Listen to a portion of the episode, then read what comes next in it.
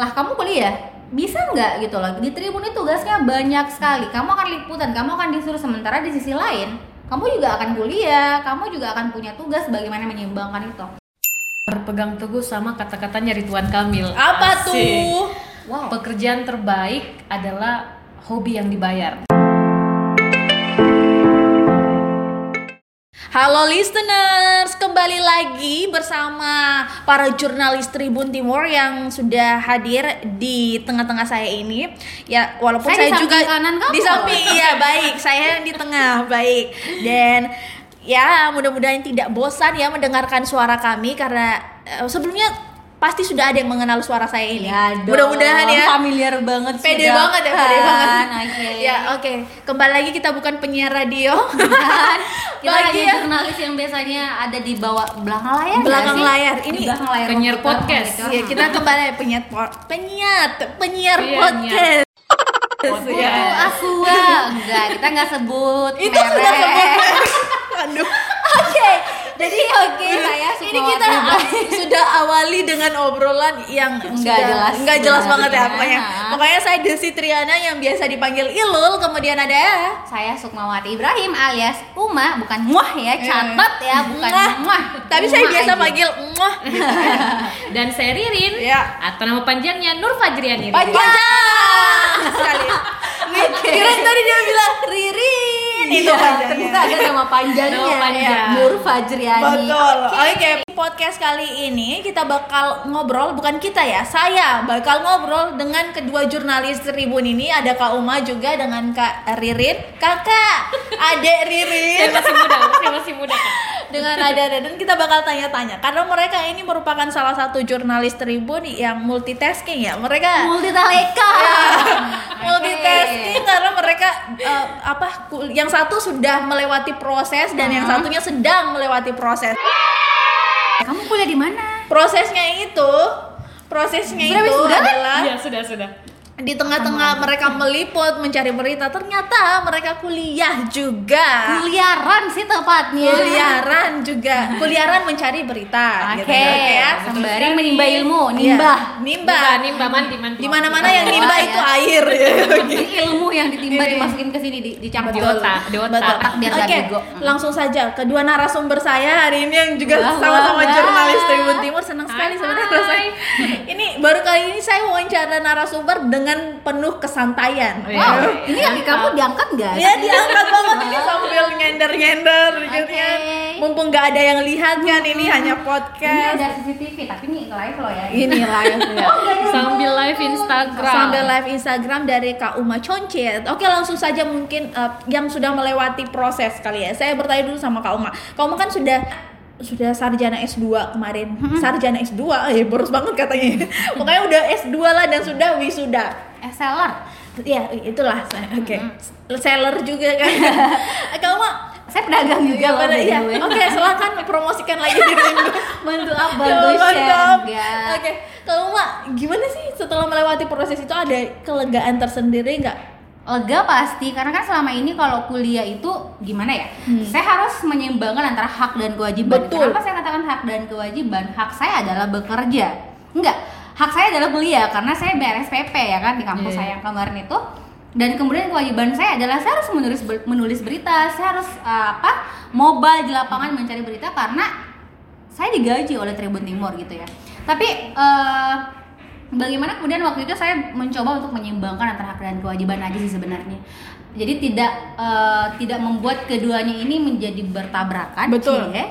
menjalankan keduanya tanpa ada yang terlalu ada yang ditinggalkan Karena gitu apa-apa aja. yang bertabrakan itu pasti menyakitkan. Iya. Bertabrakan. Menimbulkan luka dan berdarah di mana-mana. iya dan itu, dan itu parah banget Parah banget sih. Dan masuk rumah sakit. Oke. Sekarang kita nggak boleh masuk rumah sakit Karena nanti nanti COVID. Iya, masih sementara COVID-19. saya loh. Takut ya. ini bahas rumah sakit di kondisi Sudah, sekarang kita sudah le- lebar nih ke mana-mana. Oke, Kak Uma tadi sudah melewati proses Oke. itu dan ya dengan berbagai hal dan Menyeimbangkan ya, hal. Oke, dan Ririn saat ini yang bakal merasakan ya, bakal merasakan ya kenapa Ririn? Tolong ekspresinya dikontrol ya. Jadi Ririn bakal merasakan hal yang apa yang Kak Uma rasakan. Kalau kamu sendiri sudah memiliki persiapan apa saja? Apakah sudah siap dengan menyumbangkan hak dan kewajiban tadi yang seperti Kak Uma jelaskan? Oke, Eh, tapi sebelumnya saya juga pernah rasakan kak karena waktu S1 sambil kuliah, Oh, eh S1 kuliah sambil kerja. Kamu luar biasa ya mandirinya ya, luar biasa. Hebat sekali. Beri tepuk tangan yang gemuruh. Oke, silakan Rin. Jadi waktu itu semester akhir, Ya. eh, semester 6 Waktu itu sudah pulang KKN, terus ada pembukaan eh, jurnalis Tribun Timur. Pembukaan gitu ya. Pembukaan. Udah. Oke. Oke. Nah, terus di Penerimaan. situ- penerimaan ya, penerimaan eh, jurnalis terus saya coba daftar eh, hanya dengan modal kenekatan karena waktu itu Modal masih ada Kenekatan. Iya. Modal sekali. naik. Iya. Jadi kayak betul-betul eh, coba terus akhirnya keterima dan saya memang di situ prinsipnya eh, mau coba dulu eh, satu bulan, dua bulan, tiga bulan apakah bisa sambil kerja atau tidak. Tapi ternyata seiring waktu berjalan jadi jurnalis itu tidak se eh, apa ya maksudnya kita bisa menikmati menikmati pekerjaan ini jadi kayak saya enjoy dan juga bisa mengatur waktu dengan kuliah. Jadi seperti tadi Kauma bilang tidak bertabrakan. Gitu. Jadi enjoy. Pokoknya semester 6 bisa selesaikan eh, skripsi sambil eh, ini apa kerja jurnalis. Jadi kalau malam bawa laptop di kantor dan kita kerja skripsi sambil eh, ngetik berita juga. Jadi kayak lebih santai gitu. Ndak Santuy, san- santuy. Jadi tidak ada sama sekali terbebani. Dan enaknya kuliah sambil kerja karena kita bisa menabung dan itu bisa membiayai kuliah sendiri. Asik. Tapi tapi dari dari kedua orang ini kita eh, terutama saya ya saya belajar bahwa sebenarnya apa yang mereka lakukan itu adalah apa yang mereka sukai. Bayangkan ketika Saya jurnalis ini dulu ya, ya, tolong saya bayangkan. membayangkan. Oke, lima Tolong menit kita bayangkan dulu ya, oke. oke. bayangkan ketika hal yang yang di- yang apa? Yang aduh itu jadi lupa kan? Bayangkan ketika apa yang mereka atau yang kalian kerjakan ini tidak kalian sukai pasti Iya. nggak bakal Iya, betul, betul, bakal betul. dijalani dengan hati dan Iya. maksimal saya rasa dan pasti akan ada pilihan di antara kedua yang kalian Mungkin sudah ada yang jalani saya harus korban. Benar. Korban. Korban. Oke. Korban siapa korbannya? Jadi memang uh, kalau kau mau sendiri ada tidak momen terberat atau misalkan merasa capek aduh saya capek sudah sudah belum berita. Terus kemudian belum berita? Suara saya nada saya tolong dikontrol ya. Jadi belum nyanyi kebiasaan. nyanyi ya.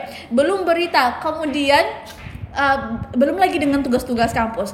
Apalagi ini kan uh, S2 ya. Kalian menjalani S2 gimana dari kau sendiri menghadapi situasi seperti itu Eh, sebenarnya gini, S2 itu kan sebenarnya kita tidak seberat saat S1. Kalau di Iya. Makassar ya beda lagi kalau kita kuliahnya di luar Iya. di Jawa kan pasti berat kalau kita eh, kuliah S2 benar-benar harus fokus.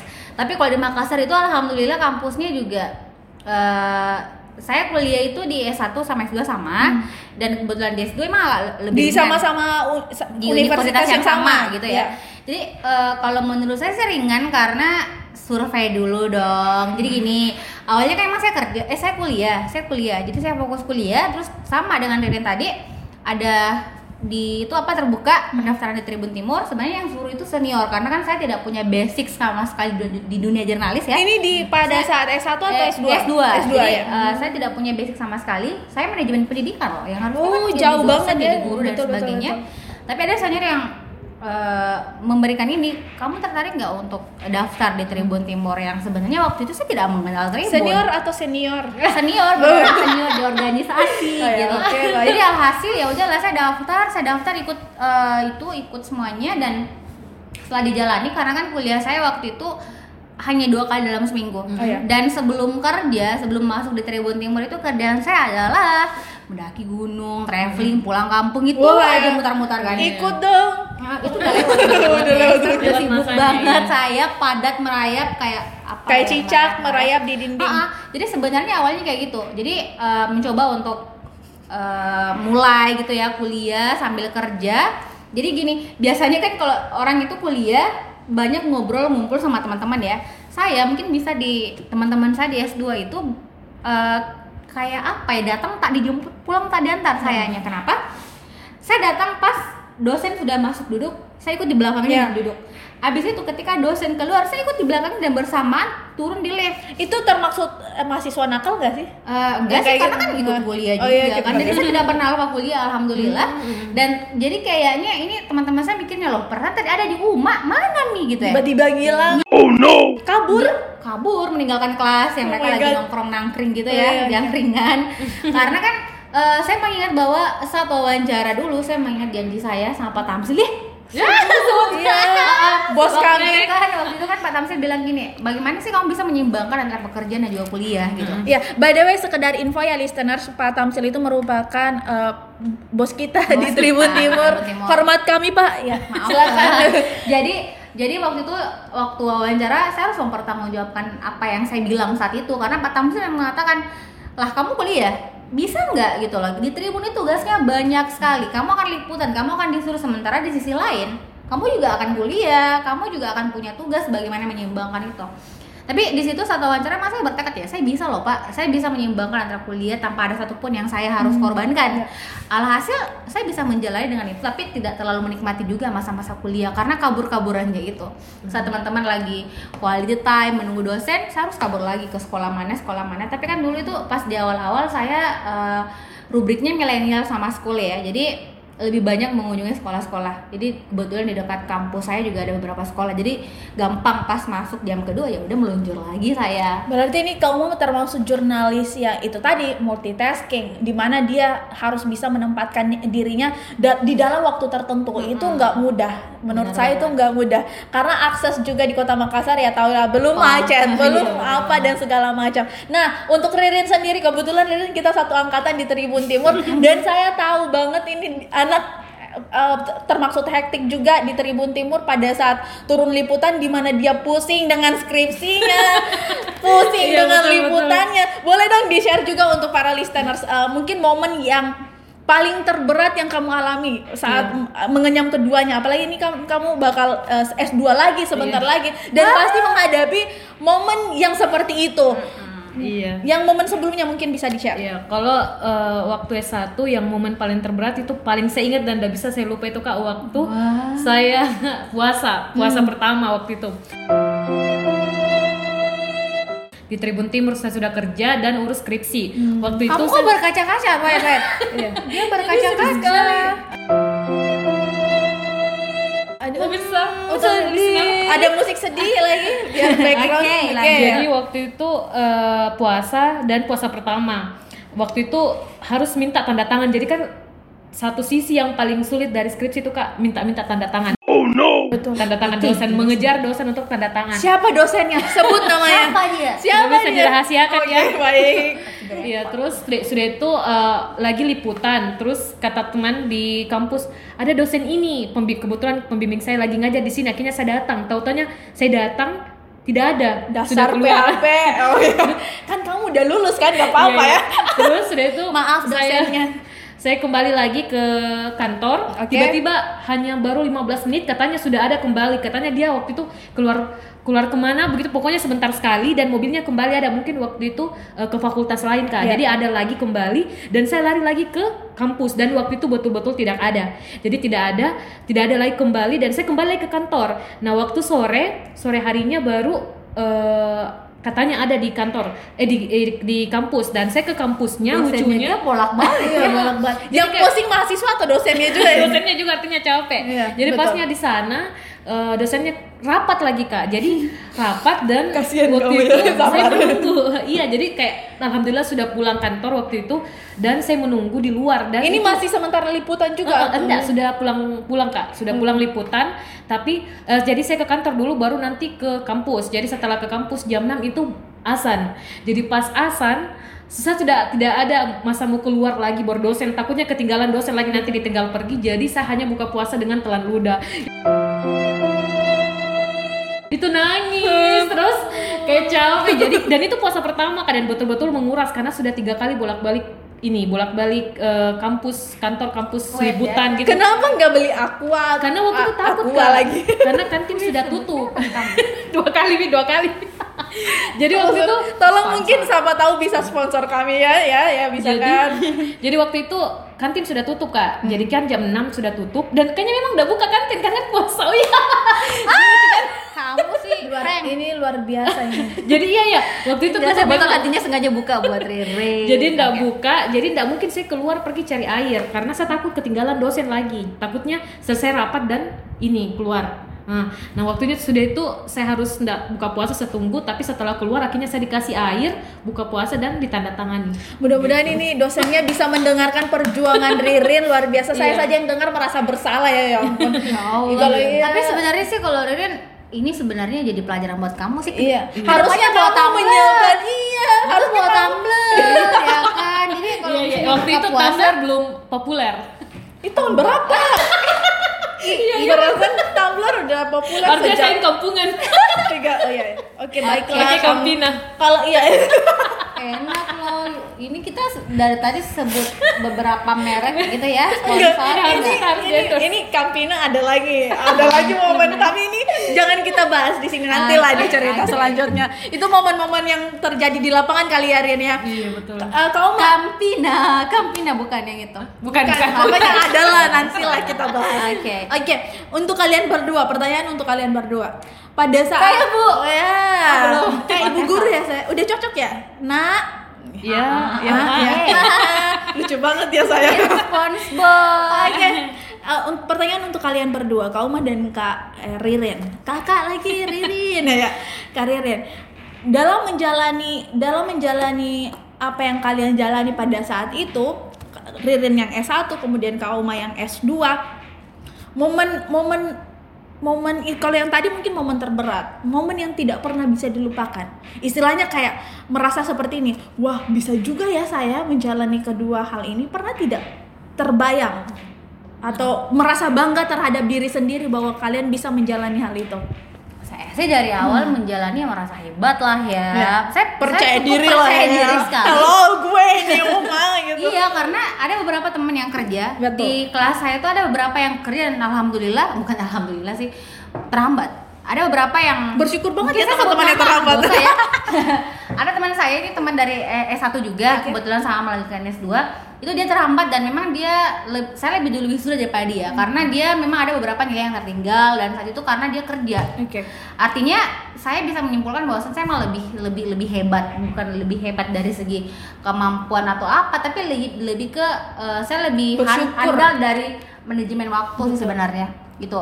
Jadi kan dia kalau misalnya kerja benar-benar fokus kerja, sementara saya ini pikirannya memang bercabang-cabang. Terbagi-bagi. Bener. Saya harus mengerjakan tugas, tahu dong ya di S2 memang tatap muka dengan dosen itu tidak sebanyak S1 tapi tugasnya ngeri gitu loh. Kalau di S1 tuh biasanya kita kerja kelompok bisa berenam bertujuh bisa bagi-bagi lah. Saya yang bagian jilidnya nah, saya bagian fotokopinya. S2 kamu benar-benar harus mengerjakan tugas ini di kampus saya ya, saya tidak tahu di kampus lain. Kamu benar-benar harus mengerjakan tugas sendiri individu. Dan beda lagi ketika kita S1 itu kan biasanya dulu ya, sekarang juga sudah bagus banget. Eh, kita kalau misalnya mau cari referensi kan asal ya, karena kita nakal eh, copy paste Iya, punya teman. betul, betul. Di S2 kamu harus benar-benar mampu mempertanggungjawabkan tugas-tugasmu gitu loh. Sumbernya kalau bukan kita lihat dari bukunya siapa ya kan, yang kedua harus kayak sumber dari jurnal apa gitu-gitu. Jadi referensi itu bukan asal asal copy paste. Jadi benar-benar kerja tugasnya kerja tugas. Padahal setelah itu kan eh, dan itu setiap eh, mata apa setiap mata kuliah pasti ada setiap ketemu ada pertemuan pasti ada tugasnya dan pasti kayak gitu. Alhasil dan alhamdulillah nilai saya juga lumayan bagus tidak bagus-bagus amat ya kan? Tapi kan ada berapa? A minus paling A atau atau, atau B plus dan itu sudah luar biasa sekali sembari saya tetap kerja kan waktu itu. Dan alhamdulillah juga eh, tidak pernah turun juga. Jadi saya main cantik bukan main cantik sih. Sesuai target. Jadi kantor meminta saya mengirim berita sekian ya saya kirimnya segitu. Bahkan mungkin lebih satu lebih dua lebih tiga kayak gitu gitu jadi tetap di posisi aman. Tidak ada yang eh, drastis dan kenapa menjadi hal yang tak- tidak bisa saya lupakan karena pas wisuda pun alhamdulillah tepat waktu Guys, mantap iya itu dia Ini harus yang tidak- dicontohi tidak, Kakak kita tidak- ini Enggak, yang tersayang ini ya. harus kita contohi. Eh, saya bisa wisuda tepat waktu, maksudnya tidak sampai mengundur-mengundur waktu gitu kan. Saya tahu orang tua saya yang membiayai waktu itu masih dibantu sama orang tua. SPP juga lumayan agak-agak ini tinggi. Jadi itu dia sebagai kebahagiaan yang tidak bisa saya luapkan dengan kata-kata itu lebih ke situ. Bisa selesai tepat waktu dan kerjaan saya juga tidak ada yang eh, sampai saya turun drastis dari apa produksi beritanya. Berarti ini memang rasa tanggung jawab itu memang perlu. Iya banget. Untuk setiap personal orang lain itu memang perlu karena eh, kalau melihat dari cerita Kak Uma sendiri ya itu karena rasa tanggung jawab terhadap berbagai hal yang sudah istilahnya menjadi pilihan kita. Pertama mengambil pilihan untuk tetap melanjutkan S2 demi orang tua itu merupakan tanggung jawab Iya. juga membahagiakan mereka. Kemudian tanggung jawab di kantor dan tanggung jawab di kampus terhadap dosen-dosen itu pastinya. Kalau Ririn sendiri momen yang paling istilahnya membuat wah saya bangga nih jadi Ririn. sedih loh ya. Ya, betul apalagi telan air liur buka puasanya itu bangga banget tuh. Mungkin bisa ceritakan Iya. momen paling membanggakan. Kalau untuk membanggakan sendiri kak karena eh, dua semester, eh waktu itu cuma satu semester yang semester 7 untuk eh, bayar SPP lagi karena mau masih mau skripsi dan setelah itu sudah ada bayar SPP di semester 8 tapi eh, saya bayar untuk wisuda untuk wisuda ya wisu- wisuda waktu itu betul-betul jadi murni uang saya pribadi. Jadi kayak eh, saya merasakan hasil keringat saya untuk pendidikan saya itu yang kalau menurut saya itu Tolong jadi kasih musik sedih. jadi momen Siapa paling yang naruh bawang di sini? momen paling sedih mungkin ya kak Iya, itu soalnya. Ini seriusan nangis. Serius, Jadi- serius dia nangis serius, guys. jadi karena itu momen bisa bayar kuliah sendiri jadi kayak eh, saya bayar kuliah sendiri di semester 7 dan bisa juga bayar bayar untuk wisuda dan untuk biaya untuk kayak kasih makan-makan. Teman adik tuh kak kalau sudah wisuda ayo kita makan ini Iya, makan iya, ini. iya, iya. Acara Ah, syukuran acara lah, syukuran ya acara syukuran waktu itu bisa saya bawa ke kantor dan bisa saya acara sama teman-teman teman-teman organisasi teman kampus dan itu pakai ada tisu. Iya, dikasih tisu sama kamu. jadi betul-betul jadi betul-betul eh yang buat bahagia adalah bisa membiayai kuliah sendiri Luar Orang tua apa omongan orang tua? orang tua juga bangga Kamu Kak. hebat, Nak. Ya gitu. Bangga waktu itu pernah sempat bilang biar mi katanya mama yang biayai lagi eh, semester depanmu ini pas waktu itu semester 6 kuliah tapi saya bilang jangan memang karena maksudnya alhamdulillah gaji juga ya maksudnya lumayan sih bisa Karena dibayar tidak karena langsung dia mengatakan bahwa gaji di Tribun banyak danda jadi maksudnya Gaji itu tit gitu. Tapi anu bukan soal gaji banyak atau tidaknya tapi karena SPP ku waktu itu cuma 850 kak jadi ya Itu begitulah banyak loh lo. Hah? Itu banyak. Iya. banyak loh. iya cuma maksudnya Saya banyak dan re- itu relatif sih, Iya tergantung kemampuan tapi sekarang mah 850 mana ada Iya. SPP gitu Iya, Jarang. UKT ya. Itu UKT. lebar kita bahas UKT. Oke, Eh, bahas UKT oke, eh, iya iya, udah Oke guys, ini mendengarkan dua kalau Ririn mungkin eh, luar biasa ya. Pokoknya dia sangat bangga. Eh, salah satu yang bisa bisa tangkap adalah dia bangga bekerja di eh, Tribun Timur karena dengan Tribun Timur ya bisa membantu bi- biaya perkuliahannya. Iya, ya walaupun ya walaupun orang tuanya Oh, ya iya. saya tahu pasti mampu lah untuk membiayai tapi Ririn sangat mandiri walaupun dengan menelan air liur dengan menahan air mata kucuran keringat dan lain-lain akhirnya dia berhasil Bukan terngiang-ngiang tau nggak sih? Riri itu buka puasa. nah itu saya mau bilang sebenarnya waktu itu kayak begini kayak maksudnya itu kak kayak ih bukan nih. Bismillahirrahmanirrahim. Apa lagi? Allah Allah kasih Astagfirullahaladzim sampai lupa. bulan puasa baru loh bulan kemarin. Ini dia sudah jadi lupa doa. jadi kayak do- berdoa dulu terus kayak satu kali. Saya nggak tahu bisa atau enggak tapi kayak kayak apa ya kak kayak misalnya kalau saya nggak batalkan juga ini nggak mungkin air mentah juga aku minum jadi kayak satu kali saya setelan pernah air mah di gunung tuh air mentah loh ya kita minum. Oh, bisa juga Jadi ada orang kencing di atas tuh. ih sembarangnya Enggak, ini serius. Serius maksudnya nanti kita bahas lagi tentang itu Next dulu soal tadi eh, menelan air liur Iya, gitu. jadi teman-teman. langsung setelah itu eh, alhamdulillah beberapa menit kemudian keluar dosen jadi saya bisa minum das. Jadi tidak sampai beberapa jam saya tidak makan jadi cepat jadi mungkin sekitar beberapa menit terus keluar dosen kasih air sudah nih. Dapat juga dosennya tangan dapat. juga keren ya. Baik sebenarnya Baik. Cuma oh ternyata dikasih air Iya, dikasih air. alhamdulillah berarti Jadi waktu itu eh, pas ini dia tahu kalau saya lagi menunggu memang dia jadi dia keluar ini sini ambil air kan dia juga nggak tahu ceritanya kak kalau saya sudah dua kali datang ke kampus sebelumnya untuk minta tanda tangan gitu Oh iya, oke baik. Eh, m- mungkin bisa kasih tipsnya juga untuk Iya, para listeners. Kira-kira bagaimana, bagaimana sih agar bisa mungkin ini kan karena jurnalis ya. Kalau Oke. jurnalis kan waktunya fleksibel dan kita harus siap sedia Betul, betul. waktu.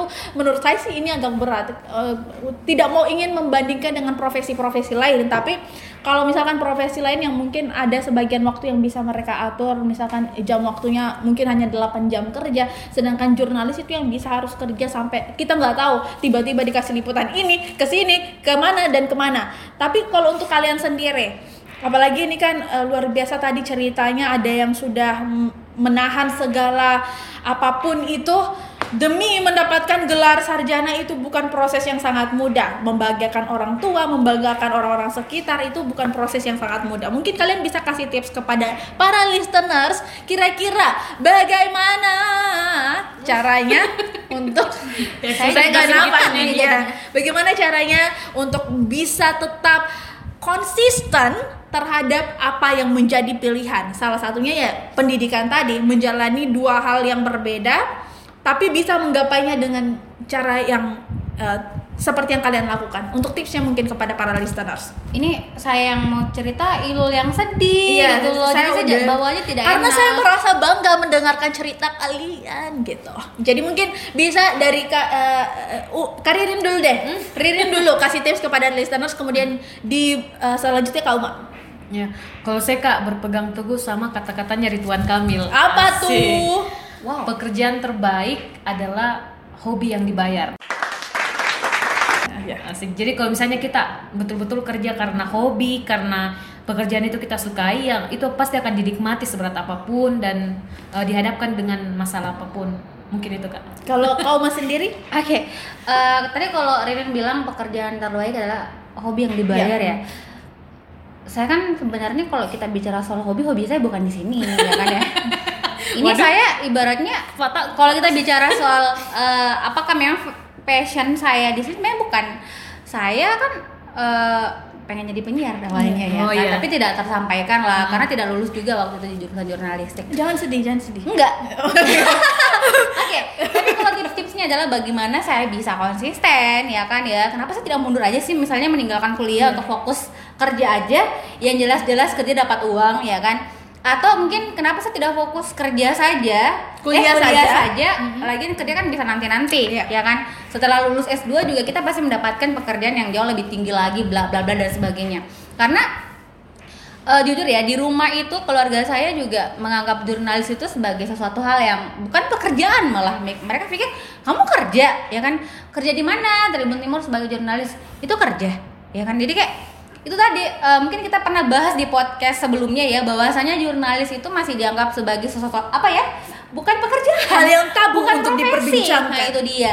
Tapi saya menunjukkan bahwa loh ini kan pekerjaan saya dan saya juga bisa menghasilkan uang loh dari sini. Saya bisa mengumpulkan pundi-pundi uang dari sini. Buktinya saya bisa beli ini beli ini beli ini dan ini hasil kerja dari jurnalis gitu so sebenarnya yang perlu kita lakukan adalah uh, komitmen dari awal itu kita benar-benar jaga. Bukan cepat terpengaruh dengan apa yang orang lakukan. Kan biasanya ada orang kerja terus tiba-tiba temannya bilang eh dari fokus mau kuliah deh bla bla dan sebagainya.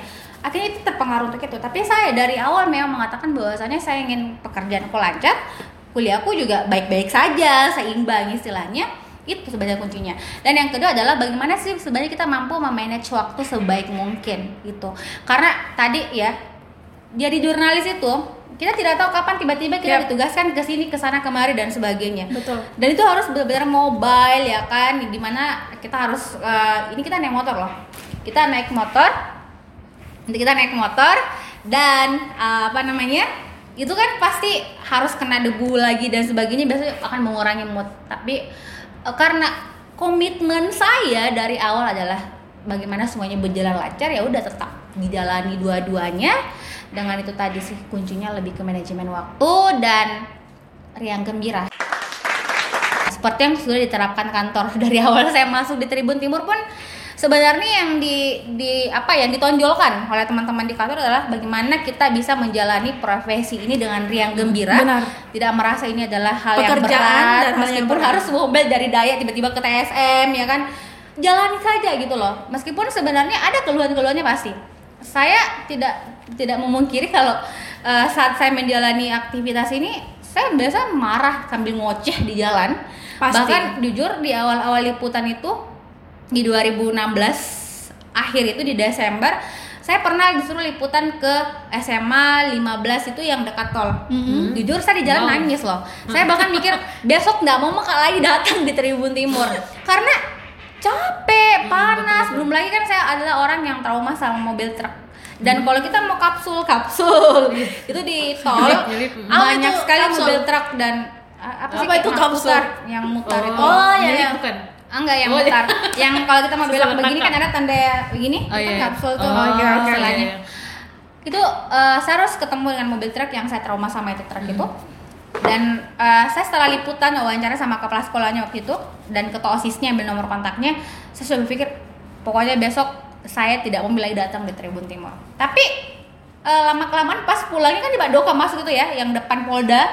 Ya Allah sumpah jauh sekali. Tapi lama kelamaan setelah pulang saya berpikir lah, ini memang sudah menjadi pilihan saya dari awal masuk di Tribun pun ini loh komitmen saya yang saya janjikan ke Pak Tamsil. Pak Tamsil lagi. Kalau saya akan menyeimbangkan antara hak dan kewajiban. Gitu kuncinya sih sebenarnya. Jadi memang eh, dari kedua dari kedua tadi tips yang diberikan itu ya pertama dari Ririn memang eh, adalah bagaimana memilih sambil mengutip lagi omongan dari si Ridwan Bapak Kamil. Ridwan Kamil. Untuk eh, apa yang menjadi peko- eh, apa sesuatu pekerjaan yang Terbaik. terbaik adalah hobi yang hobi yang terbaik. dibayarkan. Jadi selain itu juga komitmen yang dijaga, kemudian bagaimana konsisten itu bisa diraih dengan baik adalah bagaimana bertanggung jawab dengan hak dan kewajiban tadi. Itu tadi betul. Selain itu ya pasti manajemen waktu karena ya sekali lagi menjadi seorang jurnalis itu tidak mudah. Kita waktu yang fleksibel, belum lagi uh, mi- misalkan ya kira-kira di antara kita nih kita kan ciwi-ciwi yang istilahnya ada cowok-cowok yang suka sama kita kemudian mundur karena pekerjaan. Oh no. Tak ada yang malah seperti itu. Kamu curhat. En- enggak enggak curhat tapi Aduh. ada mungkin di antara kita yang seperti itu eh, yang istilahnya mereka mundur karena aduh dia pasti Berat. terlalu Hmm, sibuk, sibuk. berat banget jadi jurnalis aduh belum lagi pola pikir yang gini-gini pasti lah yang Hmm. mundur tapi jangan takut ya karena kita merupakan Kita jurnalis-jurnalis yang promo ya. ya Kita promo enggak? Ini jomblo ya? enggak enggak enggak jomblo. enggak Sebentar jomblo. lagi kamu Kita akan melangsungkan amin amin mudah-mudahan amin amin Yang. Amin ya. ya pokoknya seperti itulah karena untuk menjalani sesuatu dalam sebuah pilihan memang itu tadi tanggung jawab Oh, iya, benar. bagi yang listeners mungkin tidak eh, bertanya kok Ilul tidak share tentang em, apa masa kuliah? Ya karena memang saya tidak bekerja sambil kuliah. Walaupun pada saat kuliah ya saya melakukan aktivitas eh, di luar kuliah dan menghasilkan juga tapi menurut saya itu bukan pekerjaan. Karena eh, saya bernyanyi sambil Oh. kuliah tapi saya tidak menganggap itu sebuah pekerjaan karena itu tadi hobi, Hobi yang, yang dibayar. dibayar. Jadi saya tidak menganggap itu sebuah pekerjaan. Eh, kalau untuk di Tribun karena saya kerjanya secara profesional ya karena karena jujur menjadi seorang karyawan di perusahaan swasta itu juga tidak mudah. banget saingan Eh, berat kan? sa- saingan berat termasuk kalian ini merupakan saingan juga. Kita bersaing ya. Tolong tolong jaga jarak.